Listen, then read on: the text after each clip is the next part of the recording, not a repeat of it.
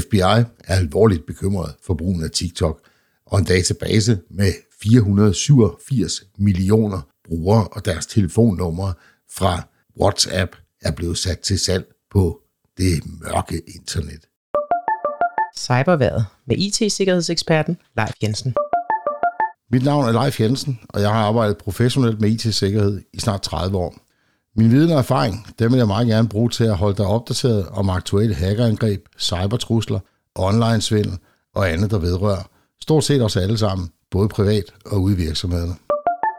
Mediet Cybernews skrev i sidste uge, at en annonce på et velkendt hackerforum påstår, at de sælger en 2022-database med 487 millioner WhatsApp-brugers telefonnumre fra 84 forskellige lande. Der skulle ifølge Cybernews være 639.841 danske brugere af WhatsApp.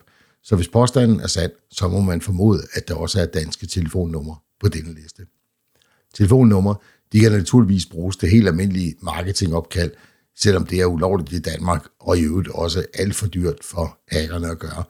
Men når man kæder det sammen med en kilde, som i det her tilfælde WhatsApp, så kan man i givet fald forvente opkald eller sms'er med ordlyden, der er noget galt med login på din WhatsApp-konto. Klik her for at løse problemet.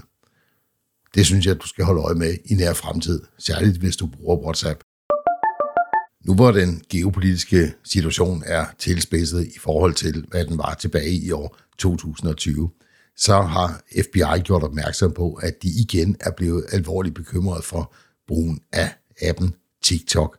Altså her, hvor man deler alle mulige mærkelige, sjove og ikke sjove videoer og madopskrifter for den sags skyld. Bekymringen, den er egentlig to. Det ene, det er, at man tænker, at brugernes data, de havner i Kina. Og så kan man sige, hvad betyder det overhovedet, at mine data, de havner i Kina? Kan jeg ikke være ligeglad? Jo, det kan jeg, og jeg kan sagtens bruge TikTok alligevel. Men jeg synes, at det er noget, man i hvert fald skal være opmærksom på, at man deler jo sine oplysninger om, hvad man laver på nettet. Og vi ved ikke rigtig, hvad TikTok-appen den rapporterer tilbage til deres kinesisk eget selskab. Det kunne være GPS-informationer om, hvor du befinder dig. Det kan kineserne jo godt lide at monitorere. Men det kan også bare være, hvad det er for nogle typer videoer, du ser. Og det leder så til den anden bekymring, som FBI har. Fordi jo mere, at en virksomhed ved om dig, jo mere kan de målrette, hvad det er, du skal eksponeres for. Og det kan eksempelvis være fra deres egen platform, så man sikrer, at du får nogle videoer, der passer lige præcis til dig.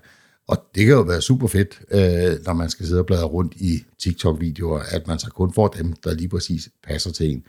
Men det kan også misbruges. Det så vi tilbage, øh, blandt andet i forbindelse med det amerikanske præsidentvalg for nogle år siden, hvor virksomheden Cambridge Analytics, de havde specialiseret sig i at hjælpe i valgkampagner. Og der kunne de faktisk ved at have omkring 50 målepunkter på hver person, som de mente, de havde.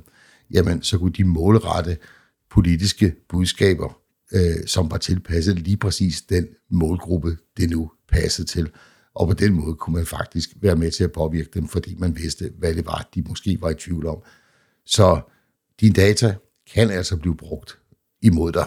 Og det skal du være opmærksom på. Så er det på internettet. Når vi bruger alle de her gratis service, så betaler vi med noget. Og det er vores personlige oplysninger. Øh, eller i hvert fald vores data og vores fodspor, ikke vores øh, brugernavn og password, det betaler vi ikke med, men vores adfærd betaler vi med. Måske er du fuldstændig ligeglad, hvad øh, de her virksomheder ved om dig, og så er det jo bare godt, så er det bare at køre løs med TikTok og alle mulige andre apps. Og jeg siger ikke, at man skal have sølvpapirshatten på og disconnecte sig totalt fra internettet, men jeg synes, det er sundt at være opmærksom på.